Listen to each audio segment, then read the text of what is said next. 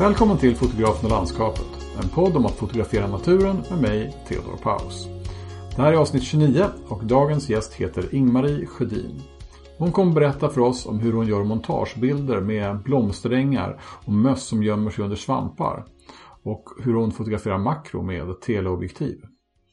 För egen del var jag i Färnebofjärdens nationalpark och fotograferade den gångna helgen. Det var första gången jag var där och jag måste säga att det var väldigt fint. Med forsar och blandskog och ängar och eh, höstfärger. Jag fick några bilder där som jag var nöjd med trots att det var rätt småtråkigt väder. En eh, trevlig bonus var också att den tidigare poddgästen Mattias Sjölund höll en workshop i Färnebofjärden samma helg som jag var där. Under min andra dag fick jag nöjet att ansluta till dem och fotograferade i Ingbo källor i södra delen av parken. Mycket fin plats, trevligt att träffa Mattias på riktigt också och kul samtal med hans workshopdeltagare. Särskilt roligt var det också att upptäcka att flera av dem var trogna lyssnare av denna podd redan sedan tidigare.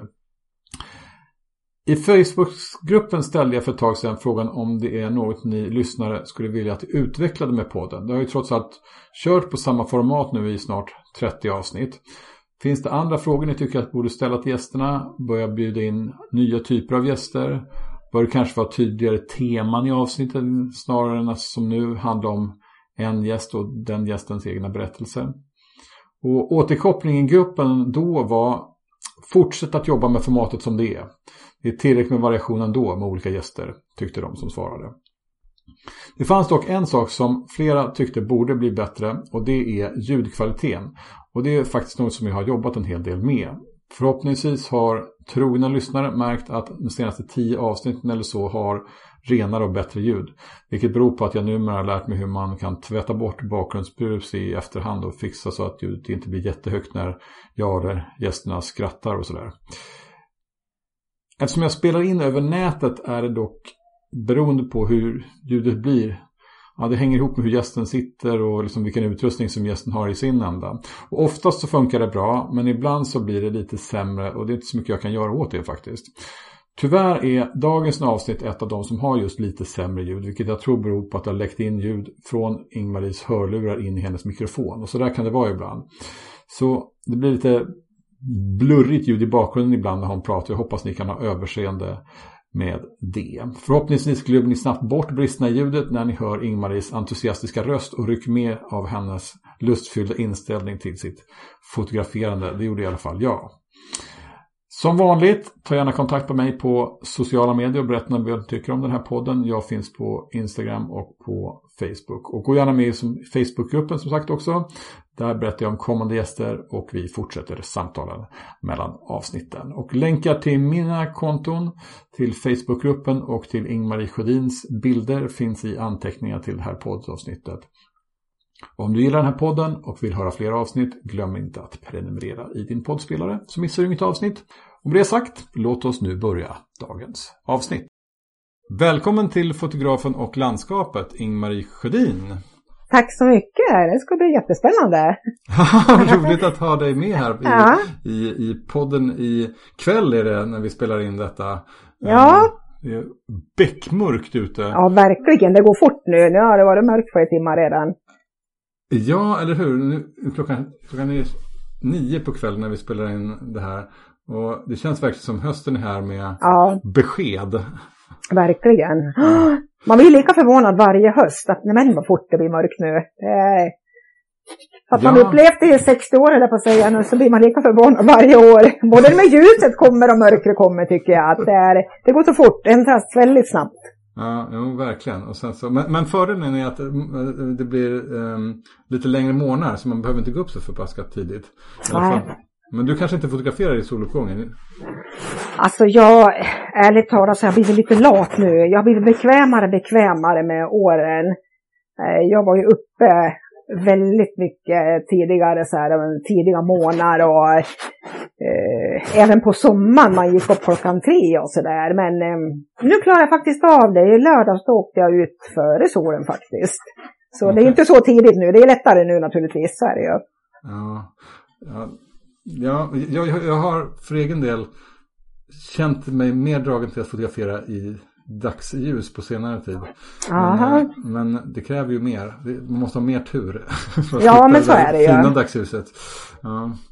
Ehm, men du, ehm, vi har inte träffats tidigare. Eh, vi pratades vid för några veckor sedan här lite grann kort på telefon bara. Men Mm. eh, ehm, och jag fick tips om dig från en annan ehm, lyssnare i Jaha. podden.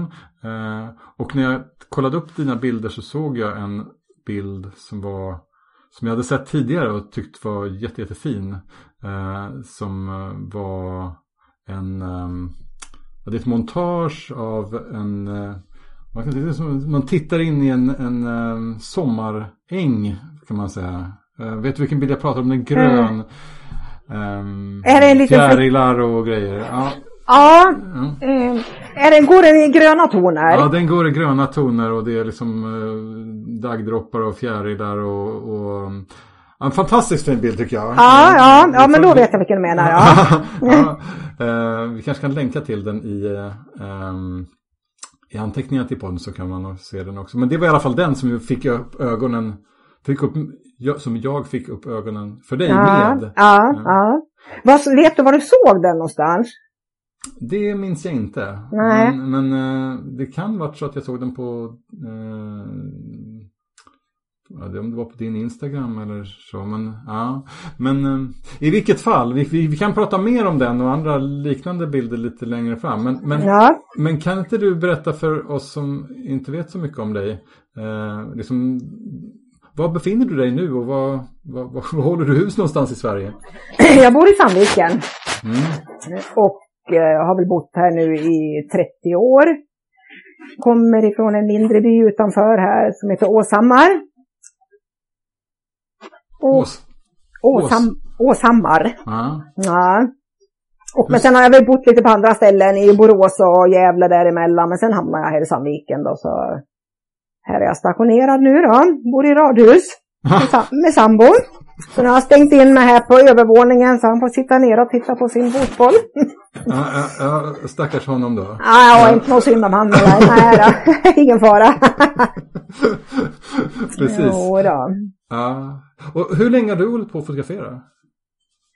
Jag har ju alltid varit intresserad av foto. Jag har väl eh, haft kamera så länge jag kan minnas. Från en liten Instamatic då med fyrkantiga blixtkuber som man hade när man var liten. Det var sådana där som man brände av? Jajamensan, fyra stycken då som snurrade för varje kort man tog så snurrade det. Så det, det var ju fyra blixtar på en sån här kub. Ja. Ja, Jag är faktiskt tillräckligt gammal för att ha haft en sån. du är det? Ja, men jag var väldigt, väldigt liten när jag hade den. Jag förstår det. Ja.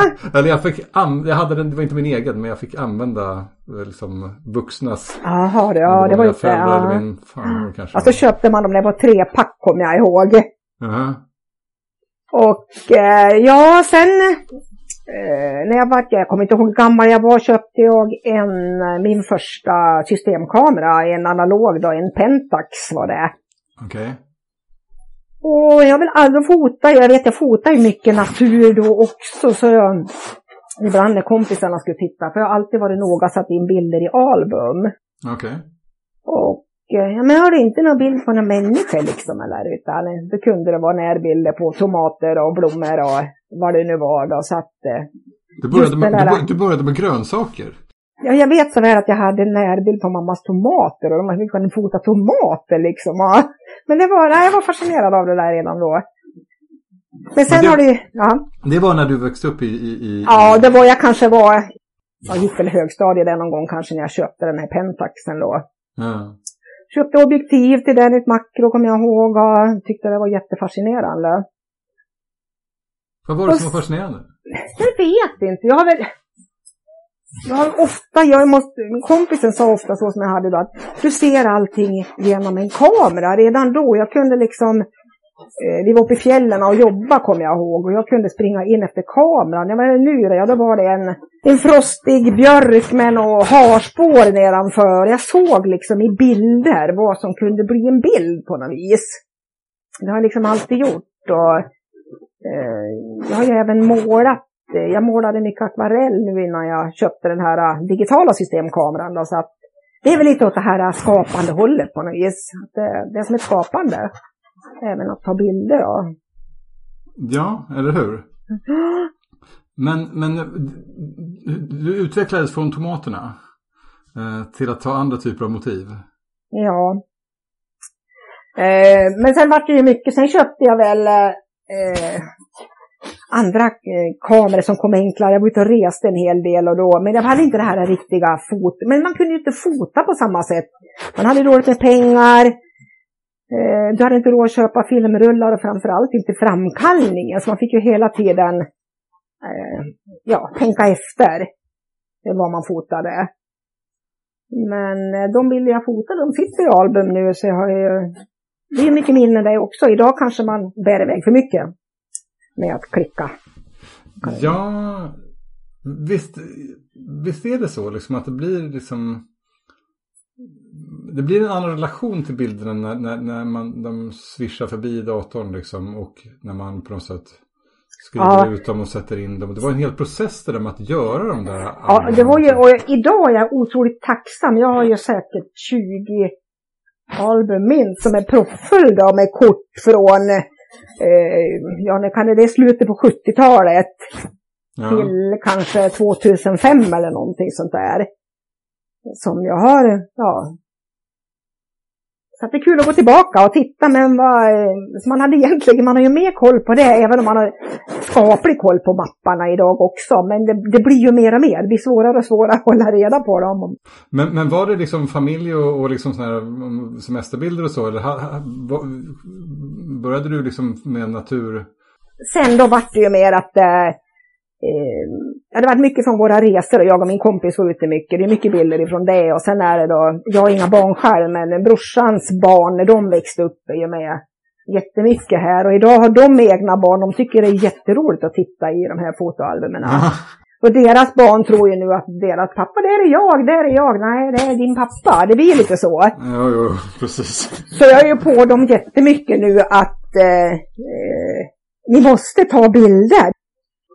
Sommarängen där som jag pratade om tidigare. Ja. Eh, den är ju en del av en hel serie med olika typer av sådana här eh, montage som, som, som, du har gjort. Eh, kan inte du berätta lite grann om hur, hur du började med det? Den typen av bilder.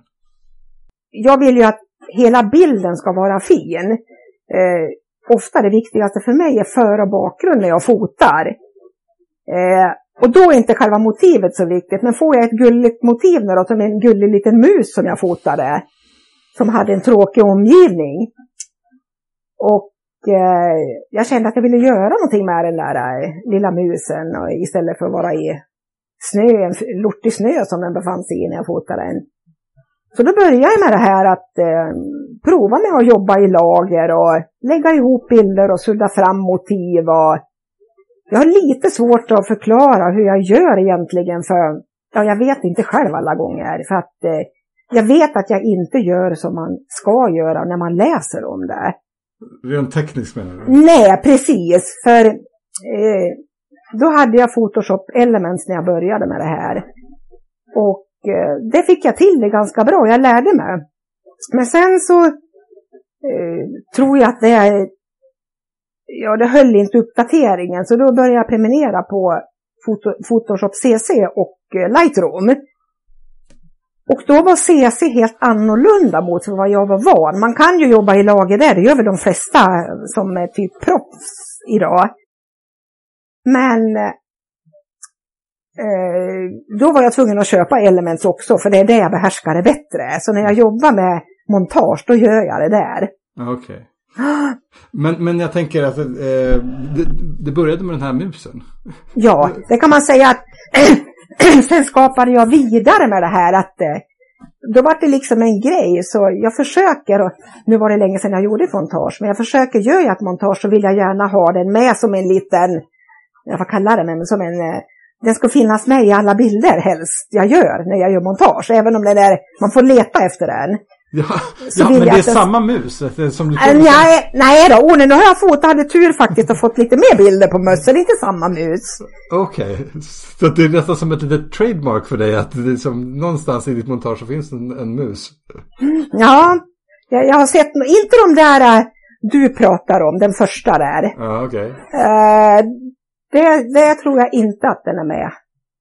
Det, Nej, finns, det, det finns någon eh, konstnär som alltid målar in cyklar i sina bilder vet jag. Oj! Ja, så alltid någonstans i hans bilder så har han målat en cykel. Liksom. Ja, det var lite ibland är det extremt, just det, ibland, är, ibland är den jätteliten och ibland så är den stor. Liksom. Aha. Inte, finns det ingen cykel med då är inte hans bild. Liksom. Men du har lite grann samma med Aha. mössor. Ja. Men ehm, precis, men, men för jag tycker det var intressant det, det som du började med där. Att liksom, du vill att hela bilden ska vara fin. Var det så du sa? Ja, jag vill ju liksom att eh, fotar jag en jättefin blomma så är det ju ingenting som jag knappt vill ha kvar om det inte är vackert runt omkring. Men det kan lika gärna vara minimalistiskt, det behöver inte vara någonting. Så när jag fotar så många gånger tittar jag efter bakgrunden före motivet. Det är jätteviktigt att bakgrunden är bra, det, det är liksom nummer ett för mig. Eh, sen har jag ju fotat mycket med, eh, jag vet inte vad jag ska kalla det, lite abstrakt. Jag fotar, eh, jag vet jag kallade en blogg en gång, kommer jag ihåg, Vem behöver rosor? Att det kan, alltså har jag en mysig bakgrund och en mysig förgrund och så försöker jag söka ett litet motiv. Det kan vara ett grässtrå, det kan vara en, ett visset löv som jag fokuserar på. Men det är liksom bara en liten del av bilden för att det är förgrunden och bakgrunden som gör bilden. Just det. Förstår du hur jag tänker? Ja, alltså en hel del makrofotografer jobbar väl på det sättet. Liksom Ja. man- Men nu jobbar jag med zoom när jag gör det här. Ja, berätta. Hur jobbar du? Det Eh, tekniskt? Ja, nej, jag, makro, jag använder knappt det idag, utan jag fotar, kan man säga makro med zoom. Jag eh, har nästan alltid full brännvidd och största bländare då när jag gör den här typen av bilder. Okej. Så, Och- Är det 800 mm tele då? Nej. Nej, det här är bara... Nej, det... Från början, mitt första zoom, det var en 7300. Okej. Och då fotade jag jättemycket sådana här bilder. Och sen eh, pratade jag med en fotograf och han sa att han hade alltid varit så... Han gillade mina de där bilderna. Mm. Och han funderade hur jag gjorde. Och då sa jag det, jag förklarade ju så gott det gick. Och då sa jag så här, men jag vet inte, jag tycker inte jag får till det lika bra nu, sa jag. Och då har jag alltså ett 7200 som då ska vara ett så pass mycket bättre objektiv. Ja. Eh, Men då sa han det att det är inte säkert att ett bra objektiv är bra till just den där grejen du gör. Så det där har jag tänkt på lite. Jag kanske fick till det där som jag ville bättre med mitt gamla 7300. Ja. Än- Jag kan väl även få till det ibland nu då, men det kanske ligger någonting i det där. Så att eh, eh, det är inte alltid man ska ha att det är bäst med lite dyrare grejer om man säger så. Vad skönt. Ja, ja. Ja, Ja, så jag har faktiskt eh, dammat av det där nu och tänkte nu måste jag ut. Nu var det flera år sedan jag använde det. Men vad är det som du vill få till då? När du känner att du får till det? Vad är... Ja, då är det ju det. Då ska det ju vara då gärna ett speciellt ljus. Eh, du ska ha lite blurr. Du ska vara så att eh, du får fundera lite grann över vad det är. Att det kanske inte syns eh, så det är direkt. Jag fotade lite typ den här bilden senast förra veckan, fast det var länge, länge sedan före det. Då var jag ute och fotade typ blåbärsris Aha. i kvällssolen. Det var inte meningen, men jag bara såg en backe där, att ljuset låg på blåbärsriset. Och då kan jag liksom inte bara lägga mig ner direkt och fota där, utan då hade jag turen att det fanns en gran där. Jag säger ofta att jag vill fota genom naturens eget filter. att eh, natur, någonting, en växt, ska ge ett filter framför bilden.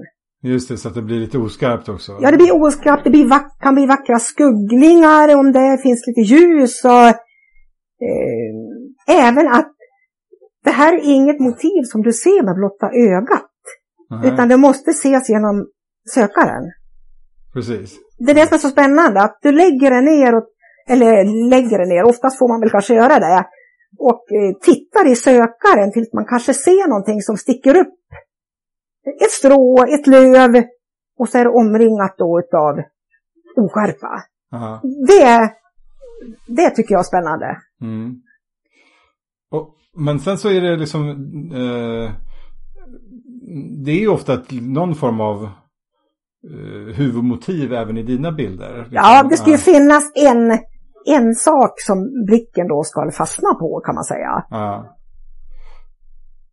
Men eh, har, har de, för de, de här på något sätt kom, eh, kompositbilderna, vad man ska säga, vad, vad är det du kallar dem för?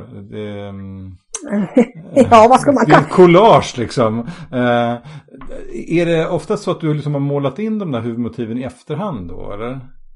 Pratar du om mina montage nu? Ja, montage heter det. Ja, ja montage. Mm. Montagerna, de, de lägger jag ju, det ligger ju bilder uppe på varandra. Ja. Hur många är det liksom?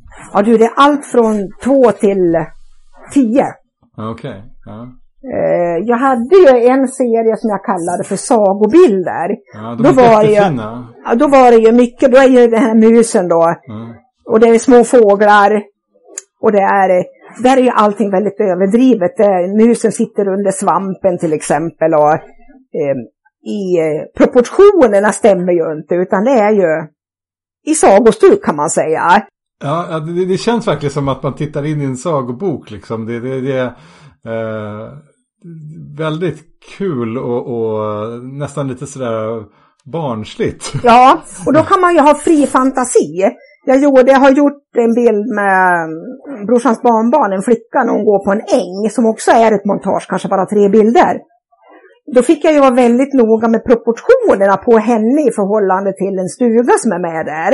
Okay. Då blir det svårare. Aha. Gör man det här sagostuket då spelar det liksom ingen roll om nyckelpigan är större än koltrasten eller vad det nu är för något. Då, då kan man spinna på. Ja, det blir nästan lite grann som Putt i blåbärsskogen liksom. Ja, lite så. Jag gjorde, jag gjorde en bild till eh, grabben, eh, brorsans barnbarn som fyllde ett år förra året. Då hade jag en jättesöt bild på honom bakifrån. Han går och håller i en liten eh, kramdjur. Han håller sin pappa i handen. Och jag vill inte ha pappa med. Nej. Eh, så jag gömde pappa bakom en trästam. Och så lade jag in en björn bakom en annan trästam. Så då vart det mors lilla Olle utav den bilden. Och den bilden den finns på Instagram. Ja, jag har sett den. Den är ja. jättefin den också. Den, och, det är allt, och jag har alltid bara mina bilder. Jag har aldrig någonsin använt en stockbild. Utan det är bara egna bilder mm. som jag använder. Mm. Så du har, som, för att den där typen av montagebilder är ju liksom um, det, det, är inte så många som inom naturfotovärlden liksom som håller på med det som jag i alla fall kunnat leta upp. För att min känsla är att det ganska mycket finns ett ideal av att liksom man ska avbilda verkligheten som den ser ut. Liksom. Uh, men här är du ju helt fri i förhållande. Det, det finns ju absolut inga, inte ens man har en jättenyckelpiga liksom. Uh, och så. uh, det där är väl en grej Alltså jag har behov av att vara lite kreativ stundtals. Ja. Eh, och det är ju det är när lusten faller på jag kan göra de här eh, montagen. Ja. Eh, jag skulle inte kunna, om du säger åt mig, gör ett montage imorgon kväll. Det funkar liksom inte. Utan man måste liksom känna för det. Jag måste känna för det. Jag kan liksom inte mm, göra det på beställning. Utan man måste ha lusten. Ja, just det. Ja. Lite grann som när man målar också då, när man målar akvarell. Att Alltså ju mer lust du hade, ju bättre vart det. Hade du bestämt att du skulle åka iväg och så kände du inte för det, ja, det vart ju bara skrot. Det måste finnas en viss inspiration. Ja, men, men är du en sån som på något sätt kan vänta in inspirationen liksom? Eller för att det, det... Ja, men tyvärr så är det ju så här att inspirationen den kommer framåt elva tiden på kvällen när jag egentligen absolut måste gå och lägga mig. Ja. Den kommer alltid vid fel tillfälle. Det är otacksamt. Ja, när jag har semester fyra veckor, nu har jag all tid i världen att göra det här. Nej. Nej. Ja, det, är, det är så typiskt mig. Ja. Okay. Jag, vet, jag vet inte vad det där beror på, men när jag egentligen inte har tid, då, får, då kommer lusten. Men, Eller men, det är liksom, jag halkar in i det bara, på något konstigt sätt. Men det, kan du värja dig mot den då? Eller sitter du så att du ja, det, hela natten? Liksom? det beror lite på vad jag... Ja, jag vet ju hur dagen efter blir. Jag går upp ganska tidigt på morgonen, så att... Eh, jag kan väl sitta en stund kanske. Ja. Nej, men för att jag tycker ändå det är lite speciellt det där. För att uh, inspiration är ju ett ganska eh, speciellt tillstånd liksom. Och vissa, Ja. vissa människor verkar ju vara sådana att helt plötsligt så slår det ner och då måste de eh, hålla på med det kreativa som de ska använda inspirationen till liksom. Men för andra människor så är ju liksom på något sätt Ja men som en författare som sätter sig ner och skriver oavsett om man är inspirerad eller inte. Det blir ett arbete liksom. Ja, Eh, ja. men- ehm, och för mig i alla fall så att jag- är väldigt beroende av en process. När jag, alltså, att liksom, jag måste liksom se till att jag kommer ut. För att det är först när jag är ute och tar mina bilder liksom som, som inspirationen kommer. Jag kan liksom inte vänta på att vara inspirerad och då går jag ut. Nej. Liksom. Nej, nej, Så nej. att, eh, så att det, folk är väl lite olika där misstänker jag. Du verkar ju som, om jag tolkar dig rätt här, att Just själva fotandet behöver man kanske inte ha den där stora, då behöver jag inte ha den där stora inspirationen utan då kan bara att, och nu känner jag att jag vill ut och fota. Eh, Men är just när jag ska, ja men det är just när jag ska skapa montagerna som jag känner Okej, att mm. jag måste ha den här inspirationen. Ja. Men fota, gå och åka ut och fota så känner jag att eh, och nu vart det nog en hel del bilder som jag är lite nyfiken på hur de blir. Jaha. Då, då, det gör jag ju direkt, då är jag liksom inspirerad på det sättet. Ja, det. Det är jag, ja. Så det behövs inte så mycket eller? Ja, vad skönt. Så att inte... Ja. Eh, Men sen så tänkte jag på det som du sa också att du var noga med att det bara var dina bilder. För att där verkar det ju som att även om du liksom i, eh, i den här montage, eh, när du tar, gör de bilderna så är du ju liksom ganska fri i förhållande till många andra, många andra människor hade ju aldrig målat in nya bildobjekt i sina naturbilder. Det hade man tyckt var konstigt och fel liksom. Men det tycker inte du är några problem. Det är hela de här bilderna bygger ju på det. Men du har också ändå vissa regler för dig. Som att du bara använder dina egna bilder då. Jag tycker det, är så, det blir så enkelt då för att eh, det har ju varit någon gång jag kanske vill ha gjort något speciellt montage och så känner jag att men jag skulle ha haft en bild på det och det. Då får jag försöka ta den istället för att hämta en stockbild. För hämtar jag en stockbild i en bild då kan jag aldrig säga att jag har bara mina egna bilder. Just det. Då, då spricker jag liksom det. Men jag är, är ju väldigt noga med att berätta att det är montage. Ja, just det. Om man nu inte så självklart ser det, om det är de här storleksförhållandena som jag säger, då tycker jag att då ska man kanske inte behöva skriva det, men det kanske jag gör ändå. Ja, Eh. Så just den här bilden du pratar om, med fjärilar som går i lite grönt, Ja. Den bilden behöver ju inte vara ett montage egentligen. När jag, när jag såg den första gången så det var inte min, det var inte min första tanke att det skulle Nej. vara det. Jag, jag tänkte att det skulle kunna ha varit en väldigt väl komponerad Ja. liksom, eh, makrobild. Liksom. Och det är ju det jag är så rädd för, att alltså jag är jättenoga med att skriva att det är montage. För mina andra bilder då som jag tar det här med zoomen som jag säger, Ja. Med för och bakgrund. Det är jättemånga som frågar om det är montage. Aha. Och då blir ju det liksom att jag är rädd att folk ska tro att många av mina bilder är montage fast det inte är det. Alltså montage är ju en procent av de bilder jag tar kan jag säga. Är det så? Är det ja, så? ja, Ja. Så den här bilden då vann jag en tävling med. Den Med gröna här, bilden. Ja, Ja. och jag skrev så här på tävlingen. Eh, Det skulle handla om sommarbild.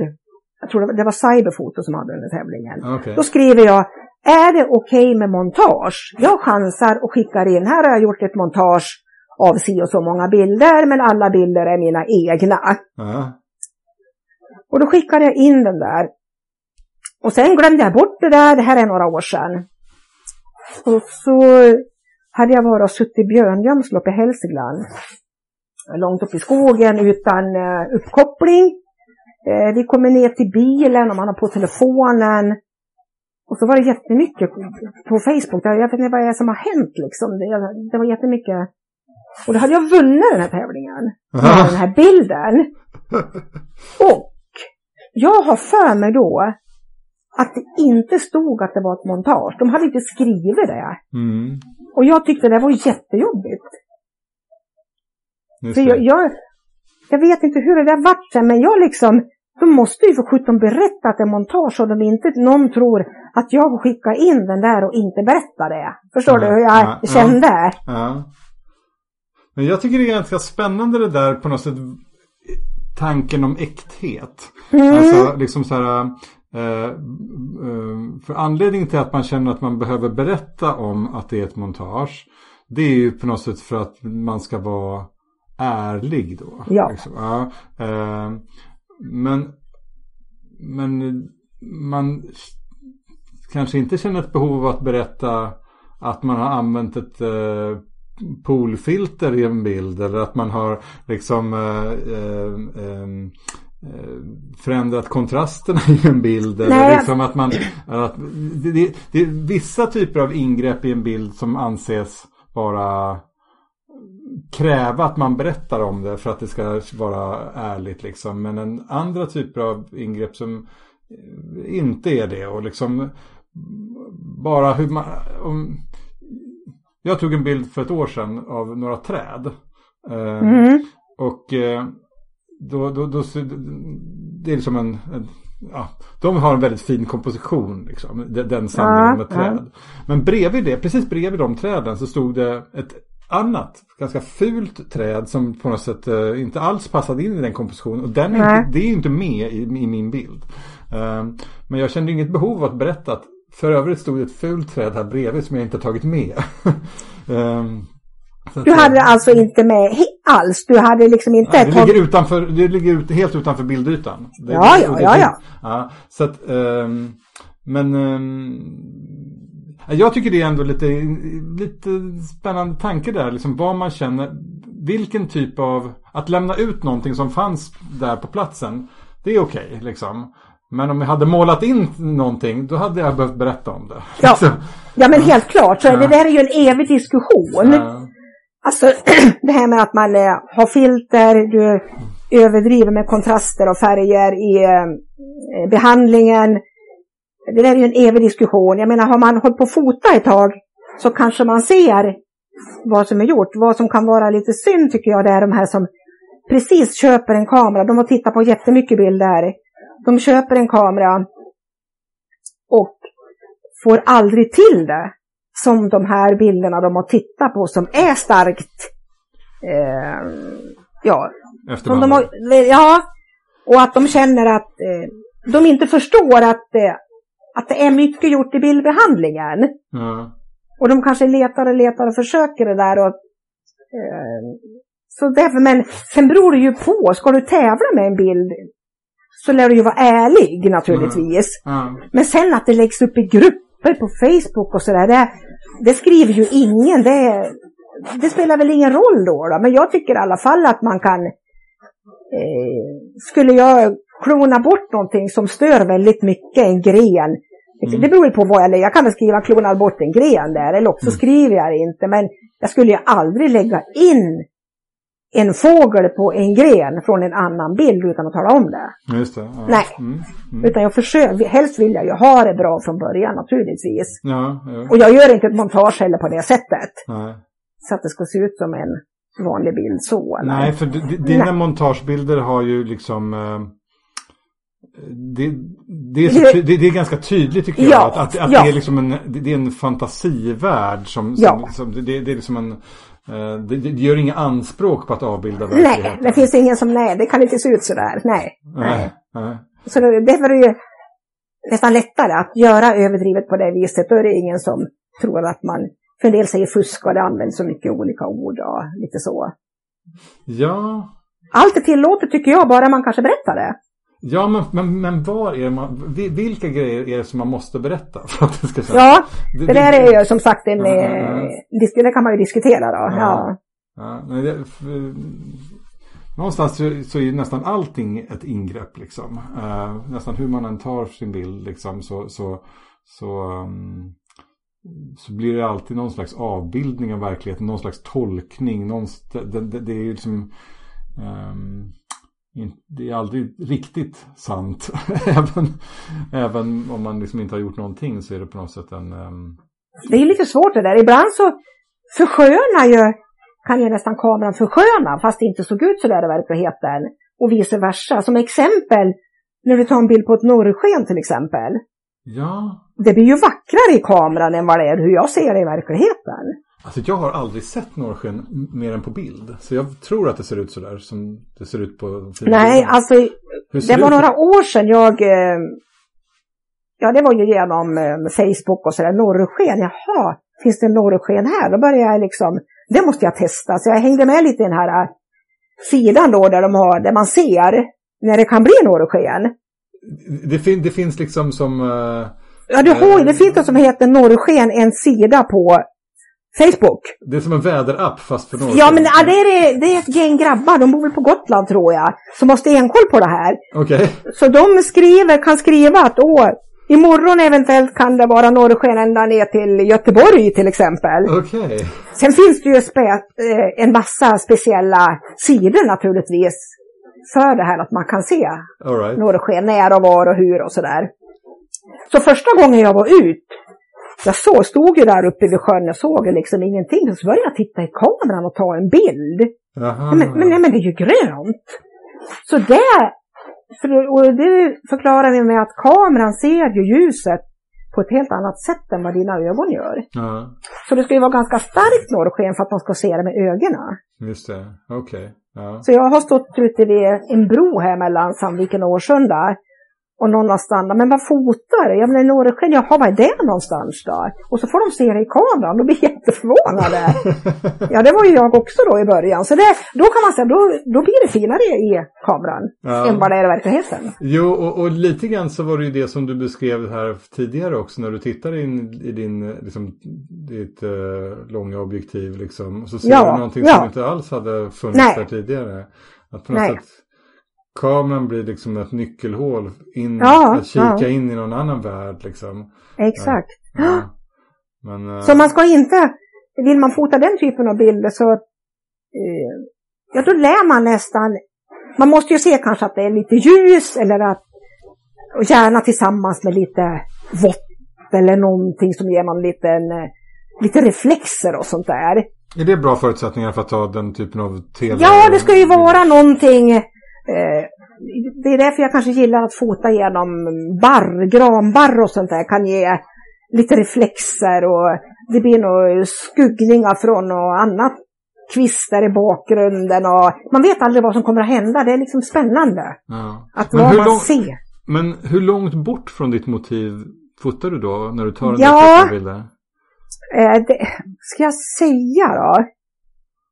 Det är ju lite olika. Jag kanske står eh, säg att jag står en meter bakom det här eh, som jag kallar för filter, granen eller elen eller gräset eller vad det nu är. Och det är det som du är i förgrunden som du fotograferar ja, igenom? Ja, ja, ja. Och sen kanske du då har det här grässtrå, ja vad ska vi säga då? Två, tre ja. Mm. meter bort kanske. Ja.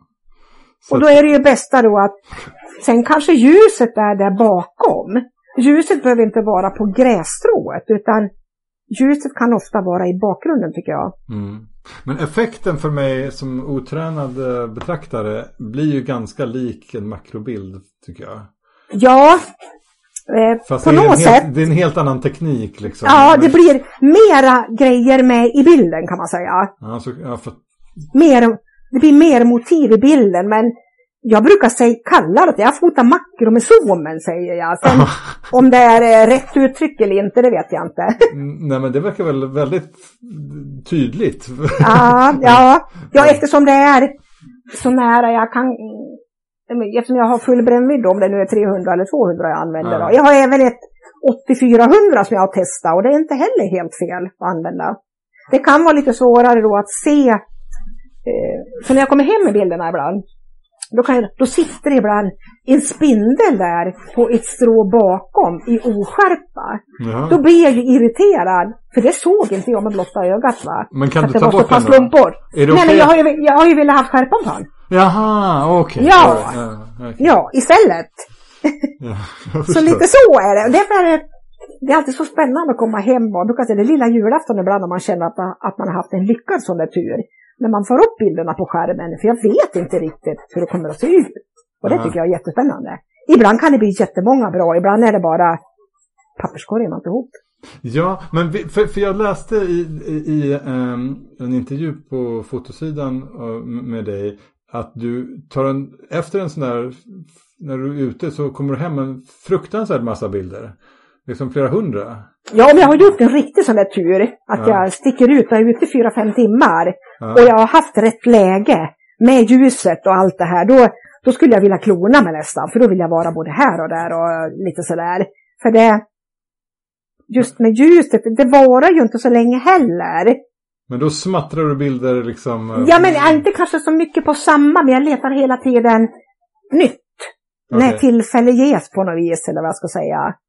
Ja. ja, det är nästan lite avundsjukt där. Jag är sjukt svårt själv att få komma hem med här många bilder. Jag, Jaså? ja, men, ja, men jag har ju levt ute lika länge som jag, jag, jag fotar helt andra typer av saker. Men, men, men, eh, men jag kanske kommer hem med 15 bilder. Det där är ju på gott och ont allting det också. Ja, Och eh, jag vet ett, en gång jag var ute, det här var en tidig höstmorgon. Eh, jag gick väl upp precis ut när solen hade kommit fram. Och jag går ut här på baksidan. Solen skiner på frosten.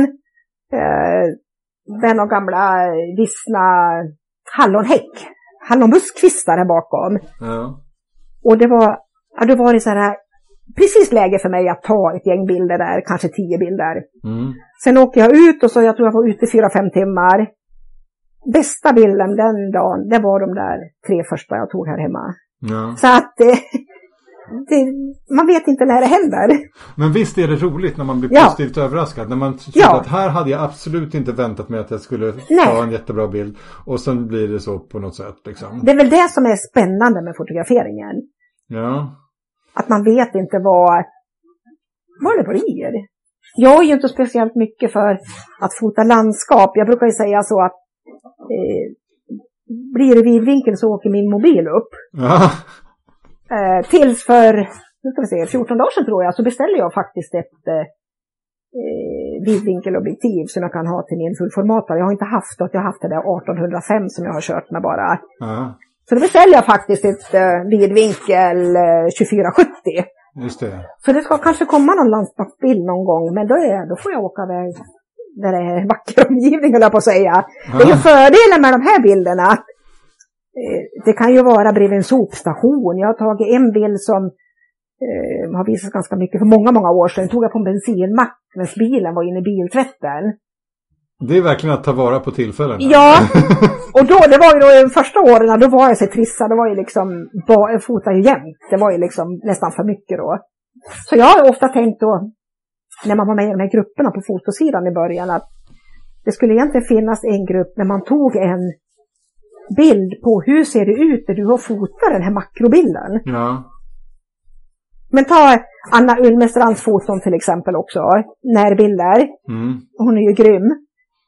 Det skulle också vara lite kul då, säg att hon tog en mobilbild på den där, äh, där man har fotat. Många gånger kan det vara i ett blomsterland kanske, men det kan vara på en parkering, det kan vara vid, du har sopstationen i bakgrunden, du kan, äh, ja, det kan vara väldigt fult.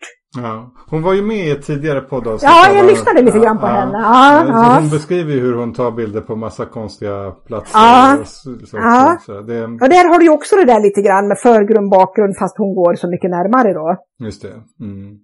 Eh, men ehm, just nu tappade jag tråden. Jag hade en fråga som jag tänkte ställa till dig. men eh, jag får suga tag i den när jag kommer på den. Ehm, Jaha!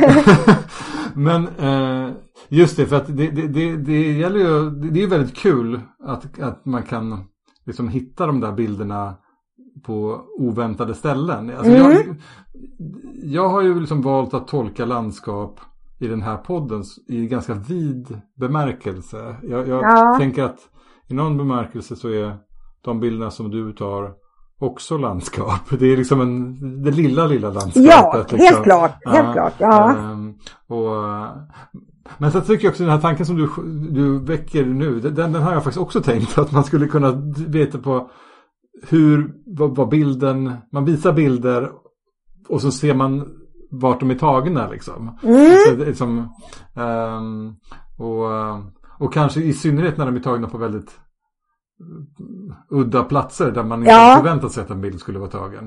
Ehm, Ja. Mm.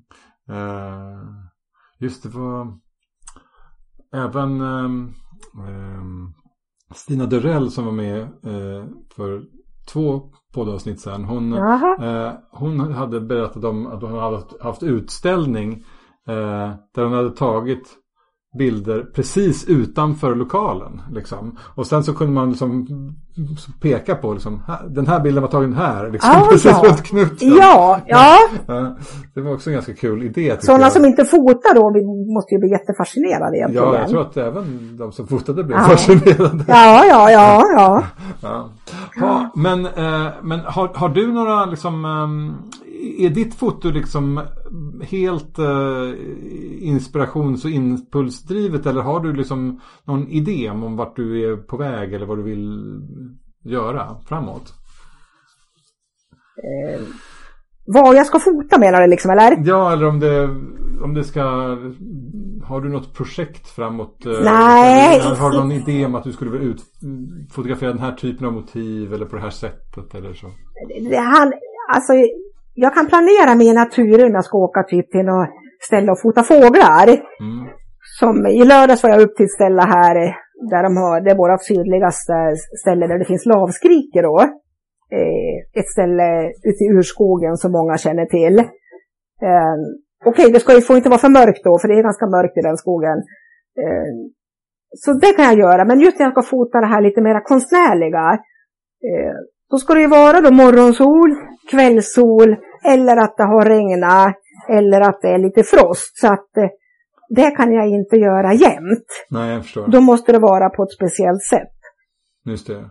Men samtidigt är jag väldigt förtjust i det här eh, med mörka bilder. Jag tycker om mörka bilder, men det måste finnas ett litet ljus i bilden, i det mörka. Ja, det är, som, ja. det, det, är som teater eller en film. Ja, jag det får har... inte bara vara mörkt. Det måste finnas något Nej, nej det ska vara en ljuspunkt någonstans. Eh, det finns ett naturreservat i närheten här eh, som också ligger i skogen. Där kan det vara väldigt mörkt men på något vis så kan man få, får man då en, ett ljus på den här ekorren eller fågeln så kan det bli väldigt fint tycker jag om allt nästan är mörkt runt omkring. Ja. Så det får inte vara helt mörkt men bilden får gärna vara mörk bara det finns en ljuspunkt någonstans ja. i bilden. Det tycker jag också är spännande. Ja men på något sätt är det inte också så att det, det är liksom kontrasten mellan ljus ja. och mörker som gör bilden. Liksom. Ja. Det, det, är liksom uh, en bild som bara är ljus eller bara är mörk. Där, där, där letar nästan ögat efter den ja. minsta lilla ljuspunkt eller minsta, minsta det, lilla kontrast. Liksom. Det ser man ju direkt var ögat leds någonstans ja. i en sån bild. Ja. Det, det, är liksom ingenting att fundera på. Det, det, jag lärde mig det där någon, teoretiskt någon gång. Någon som berättade att liksom ögat söker sig efter eh, Just det, jag gick en bildkurs en gång för länge sedan och så fick jag höra så här, så visade han en powerpoint-bild liksom och sa att här är de sakerna som ögat naturligt söker sig till. Och det var eh, ljus i bilden, kontraster, liksom färgkontraster, eh, ögon om man fotograferar människor ja. liksom, och naket. Finns det något ja, naket? Ja, så, så, det spelar ingen roll vad det står på bilden där. så att, men, men, äh, men jag tycker en annan sak som är rolig med dina bilder är att det, det är liksom inte så mycket, det är, en, det är en del djur liksom som du är inne på också, men det är ofta de här små djuren, liksom igel, eh, som äh, fjärilar och spin, ja. spindlar och liksom ekorre och en mus och sådär. Det, men, um... Det är väl mycket men jag ser aldrig. men du hade en rolig bild på en en björn också. Som... jag har bara suttit i björngömsle. Jaha. Några gånger. Ja. Men jag tänkte, jag, har... på, jag tänkte på den här bilden som det var en ja. och en människa med. På ja, bild. det var väl den första bilden jag tog som fick uppmärksamhet. Okej. Okay. en bild som i mina ögon, det var, lite, det var ju en rolig historia det där för att eh, den där björnen hade ju funnits där uppe på den här åken i flera veckor och folk var där och fotade och jag kände att nej men det är så mycket folk där, jag vill inte åka dit. Men så gick det några veckor och det var en som ringde och frågade, ska du hänga med upp? Så vi åkte upp dit. Och björnen låg där i åken även då, det var två öron som stack upp, så man hade väl kanske då 20 bilden på ett par öron. Och sen började det mörkna och nej, sa jag, nu åker jag hem. Så precis när jag var på väg till bilen, då hör jag någon skriker, du kan inte gå, gå ner där. Då var det då en kvinna som här i området kallas för Vita Damen, som är lite speciell. Okay. Som då gick emot, gick ner mot åkern. Där björnen låg? Ja. Där björnen låg, och det var en grusväg där. Men hon fortsatte gå. Och jag vänder mig om och då kommer björnen fram från åkern och ställer sig mitt emot henne. Uh -huh. Och det hade ju blivit så skumt så att jag hann ju få lite fokus. Jag hade ett ganska tungt objektiv då. Eh, så hade svårt att handhålla det. Jag hann, kunde få fokus på henne tack vare att hon var vitklädd då, som alltid. Eh, så det vart ju några lite halvsuddiga bilder där. Eh, men sen gjorde jag en blogg om det här för jag tyckte händelsen var kul. Och sen bara spred det sig. Det där tyckte alla då att det där var så häftigt att bilden var så fin. Jag tänkte, aha. Då var jag förvånad för jag såg det som en jättemisslyckad bild. Ja. Men sen har jag liksom vant mig med tanken, har den bilden varit skarp?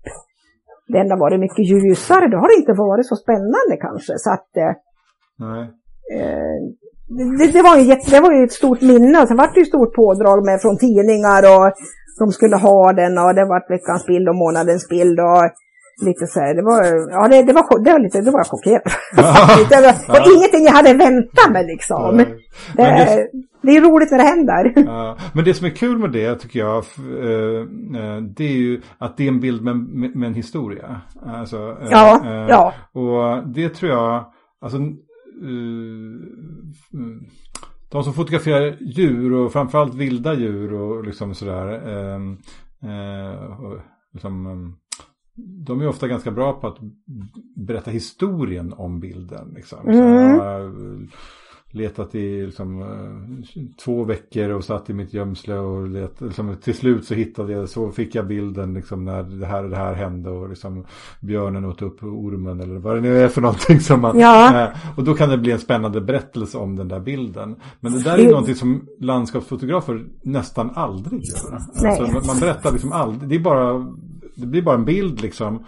Ja men så är det ju. Ja. Det, det blir ju inte en händelse på samma sätt. Samtidigt är det så bra tycker jag också att man ser de här vackra bilderna, eh, säg i eh, väldigt låg vinkel på en fågel i en dimmig sjö till exempel. Ja. Alltså, men så jag har legat i flytgömsle i fyra timmar, aha. Så det är så bra att de berättar för då får man ju också förståelse för vilket jobb det ligger bakom den här bilden. Ja. Och, och den här älgen när de suttit i sitt pass kanske, eller björnen och, och väntat på den här bilden. Så att, det är, ju, det är ju mycket tålamod också. Ja, det, låter så, det låter så himla ja. tråkigt tycker jag. Alltså, jag, jag, det, det, men eh, all, alla bonheur till alla som vill fotografera på det sättet. Men det verkar ju vara väldigt mycket väntande. Alltså. Mm. Jag är ju känd för att inte ha något tålamod. Min fotokompis, hon är ju fågelnörd mer än vad jag är. Ja. Och så kan vi gå någonstans och så ska vi stå där, ja men Lena säger nu lär jag gå. Nej men du lär väl ha tålamod. Vet hon att det kanske kommer någonting där, något spännande inom tre timmar så kan hon stå där. Mm. Ja det funkar ju inte för mig. Då vankar jag av och letar något annat. Och... Men däremot när jag sitter i ett gömsle, då vet jag att snart kan det hända någonting. Ah. Snart kanske det kommer en björn. Ah. Men det är verkligen... Då... Förlåt. Mm. Ja, Nej, men det är verkligen en stor kontrast mot den typen av foto som du beskriver där. Och den ja. här eh, liksom bilden att liksom bara gå runt knuten och hitta något, något som du kan fotografera igenom. Och sen så får du liksom det här nyckelhålet in i någon lite magisk värld. Och om det dessutom är så att du inte hittar det där bildobjektet som du vill ha in då kan det också bli ett eh, ett montage där man mm, liksom mm, kanske målar ja. in det. Liksom. Så det, det, är verkligen olika typer av foto som du jobbar med. Ja, det är ju det. Allt har ju sitt jag säger en landskapsfotograf då, de, de har det där, de kommer ut, eh, letar efter vackra omgivningar, de kanske söker sig till ett speciellt ställe. De vet att nu är det ju väldigt populärt att åka till Norge på hösten till exempel. Det är ju jättevackra bilder. Ja, med lite höstfärger och eh, det är klart att det är också en jättestor upplevelse. Mm. Det måste det ju vara. Så att allt har ju sin charm. Verkligen. Du, vi börjar närma oss slutet här men jag har några frågor till som jag skulle vilja ställa till dig. Eh, och en fråga är vad har du för tips till andra fotografer om man ska utvecklas i sitt foto? Ja, jag tycker att eh, det finns ju så mycket regler som man säger, det där med att det ska vara i eh, gyllene sättet och det ska vara linjer, vi pratade om det tidigare, leda in i bilden och allt det här. Men jag tycker man ska våga testa annat också. Eh, inte bara eh, hela tiden fokusera på allt det här utan våga ta en bild fast du kanske inte får till det där motivet på så kallat rätt ställe. Eh, och titta i, ni som är intresserade av kanske lite det här typ makror, att titta i, och i sökaren och leta den vägen och försök inte se det med blotta ögat för då kan det vara svårt att upptäcka det. Man ser så mycket mer när man mm. tittar i sökaren. Just det. Ja. Bryt reglerna och titta i sökaren. Ja, man, ja, man tycker att man ska våga göra det också. Mm. Ja, absolut. Det, det låter som bra regler båda två tycker jag. Och det här med oskärpa, jag kan ju tycka, jag älskar ju oskärpa på typ fågelbilder, att det blir väldigt abstrakta bilder. Du kör med långa sluta tider och eh, det blir, eh, ja, det blir helt enkelt bara abstrakt allting. Det tycker jag är jättespännande. Fast det är svårt. Mm. Det är svårare att fota någonting som det inte ser ut. Precis som det är när du målar akvarell. Det är lättare att måla av någonting som det ser ut än att få det att se konstnärligt ut och måla det som det egentligen inte ser ut. Förstår du vad jag menar? Ja, man, och då måste man vända sig in i sig själv också. Ja, då, då får du ju ha lite fantasi. Ja, då får man liksom ta en bild av sitt inre ja. landskap. Liksom. Det är ganska lätt att måla av den här ladan här borta kanske. Men jag vill att den ska se lite, ja du vet, akvarellig ut. Ja. Då är det svårare. Mm. Och fåglarna, jag kanske vill att de ska se ut som eh, änglar eller någonting där på himlen. Då får jag ju liksom tänka till. Ja, och göra det. Det är svårare att få det att en skarp bild på en fiskmås, det är ganska lätt då. Ja. Men vill man att den ska se ut som någonting annat, då får man ju experimentera mycket mer. Och det, det är jättekul. Det kan också vara ett tips kanske. Att liksom våga testa. Ja. Våga försöka hitta Jaga inte ba, bara knivskarpt hela tiden. Nej, för det, det liksom, tror jag många kan tycka att det blir lite svårt och tråkigt ibland. Då. Mm. Det är alltid bra att att skylla på. Precis, ta bilder som inte föreställer det som du fotograferar. Nej, nej precis. det pratar jag tvärs emot vad många landskapsfotografer gör. Ja, men eh, jag tycker vi kan tillåta oss olika regler inom, ja. inom detta. Man kan fota landskap abstrakt också, med att dra lite på kameran och mm. vifta lite på den och så. Det kan också vara spännande. Du, eh, till slut, har du tips på andra fotografer som du tror skulle kunna passa i den här podden i framtiden? Det där tyckte jag var lite svårt, för det är så många duktiga fotografer. Men vi behöver inte alla. Men det Nej, men liksom, och hur... Eh, du vet, det finns en eh, kvinna uppe i Kalix som heter Lena Snabb. Lena Snabb? Eh, ja, hon... Alltså många av de här som jag har, eller jag vän med på Facebook nu, det är, många av dem var med på, jag gick med på fotosidan 2010 tror jag. Ja. Och det var ju där man skapade sina första kontakter, hur andra fotade, man fick tips, man såg bilder. Eh, det här var ju liksom före, innan man kom med i Facebook om man säger så. Ja. Och jag vet, jag, hon fotar mycket makro, så jag kommer ihåg, jag var väldigt fascinerad av hennes bilder och tyckte de var fina. Och eh, jag tror hon också är kvar på fotosidan faktiskt. Hon, hon bor uppe i Kalix, hon fotar mycket, ja det är natur. Mycket mm. åt makrohållet men även lite typ landskap och sådär. Lena Snabb. Lena Snabb, ja. ja bra. Eh, sen har du en Malin Englund i Dalarna. Jag vet inte riktigt var hon bor nu. Och hon är ju en tjej som verkligen är duktig med kameran. Hon fotar allt. Hon är jätteduktig och hon fotar ju även bröllop och sånt där. Men okay. hon är ute mycket med, det är mycket landskap, norrsken, allt från soluppgångar, nedutgångar. Hon är mycket i gruvor och fotar och eh, ja. Okej. Okay. Hon eh, kan sin sak. Spännande. Ha, um, Sen har vi Elisabeth Landberger, Stockholm. Hon är ju en med många järn i elden. Ja. Har även, är även lite reseledare nu för olika resor, bland annat till eh, med björnresor upp till norra Finland. Just det, henne känner jag till sedan tidigare. Ja, ja. hon har mycket idéer och uh, fotar väldigt mycket olika. Just det. Mm. Så du skrev att kvinnor, ja mest tänk ja, kvinnor. Ja, nej men precis. Jag känner ett visst ansvar för att det ska vara lite blandat. Eh, men ja. nu fick jag verkligen många kvinnor. Eller åtminstone tre. Ja. Mm. Eh, Sen som sagt, det finns ju många. Mm. Mm. Men du, det där är ju strålande. Um, och vi um, får kolla upp de uh, fotograferna lite närmare. Och, uh, ja, får jag säga en till kvinna? Absolut, om du, absolut. Uh, hon, hon heter Ingrid Team. Team? T-H-I-M. Okej. Okay. Och det är en kvinna som jag också lärde veta vem är genom fotosidan. Hon bor i Bollnäs. Och hon gör också lite typ montage. Eh, kanske lite mer åt det romantiska hållet. Ännu mer romantiskt? Ja, hon är lite mera... Eh, jag använder ju också en, ofta en struktur. Alltså jag lägger på en sista bild. Jag fotar strukturer. Jag kan fota eh, cementplattor, stenar, eh, vattenytor som jag lägger på som en sista lager ah. många gånger. Och hon gör mycket med struktur, fast lite annorlunda än vad jag gör. Hon är mycket, hon kan fota en bok, kanske en psalmbok, ett brinnande ljus eller en ros, lite mer åt det där hållet. Och hon gör jättefina bilder tycker jag. Okay. Det måste vi kolla upp. Ja, det får du kolla upp. Ja. Strålande. Du, eh, stort tack för att du tog dig tid att vara med här i, i, i podden ikväll. Tack för att jag fick vara med, jättekul.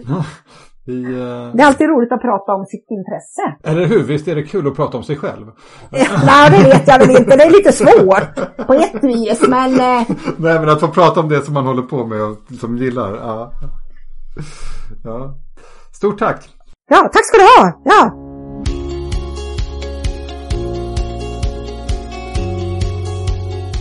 Tack även till dig som lyssnat på detta avsnitt av Fotografen och landskapet. Håller ni med om att podden bör ha ungefär det format som den har haft? Eller tycker ni det finns saker som skulle kunna utvecklas? Eller rent av avvecklas? Ehm, hör gärna av er och berätta anteckningen till mig direkt via Instagram eller i Facebookgruppen. Länkar till Ingmarie Sjödins bilder och Instagramkonto för de fotografer som hon tipsade om i slutet finns i anteckningar till det här poddavsnittet. Där hittar du även länkar till Facebookgruppen för podden och till min Instagram. Om du gillar den här podden och vill höra fler avsnitt, glöm inte att prenumerera i din poddspelare så missar du inget avsnitt. det var allt för idag. Vi hörs igen om två veckor.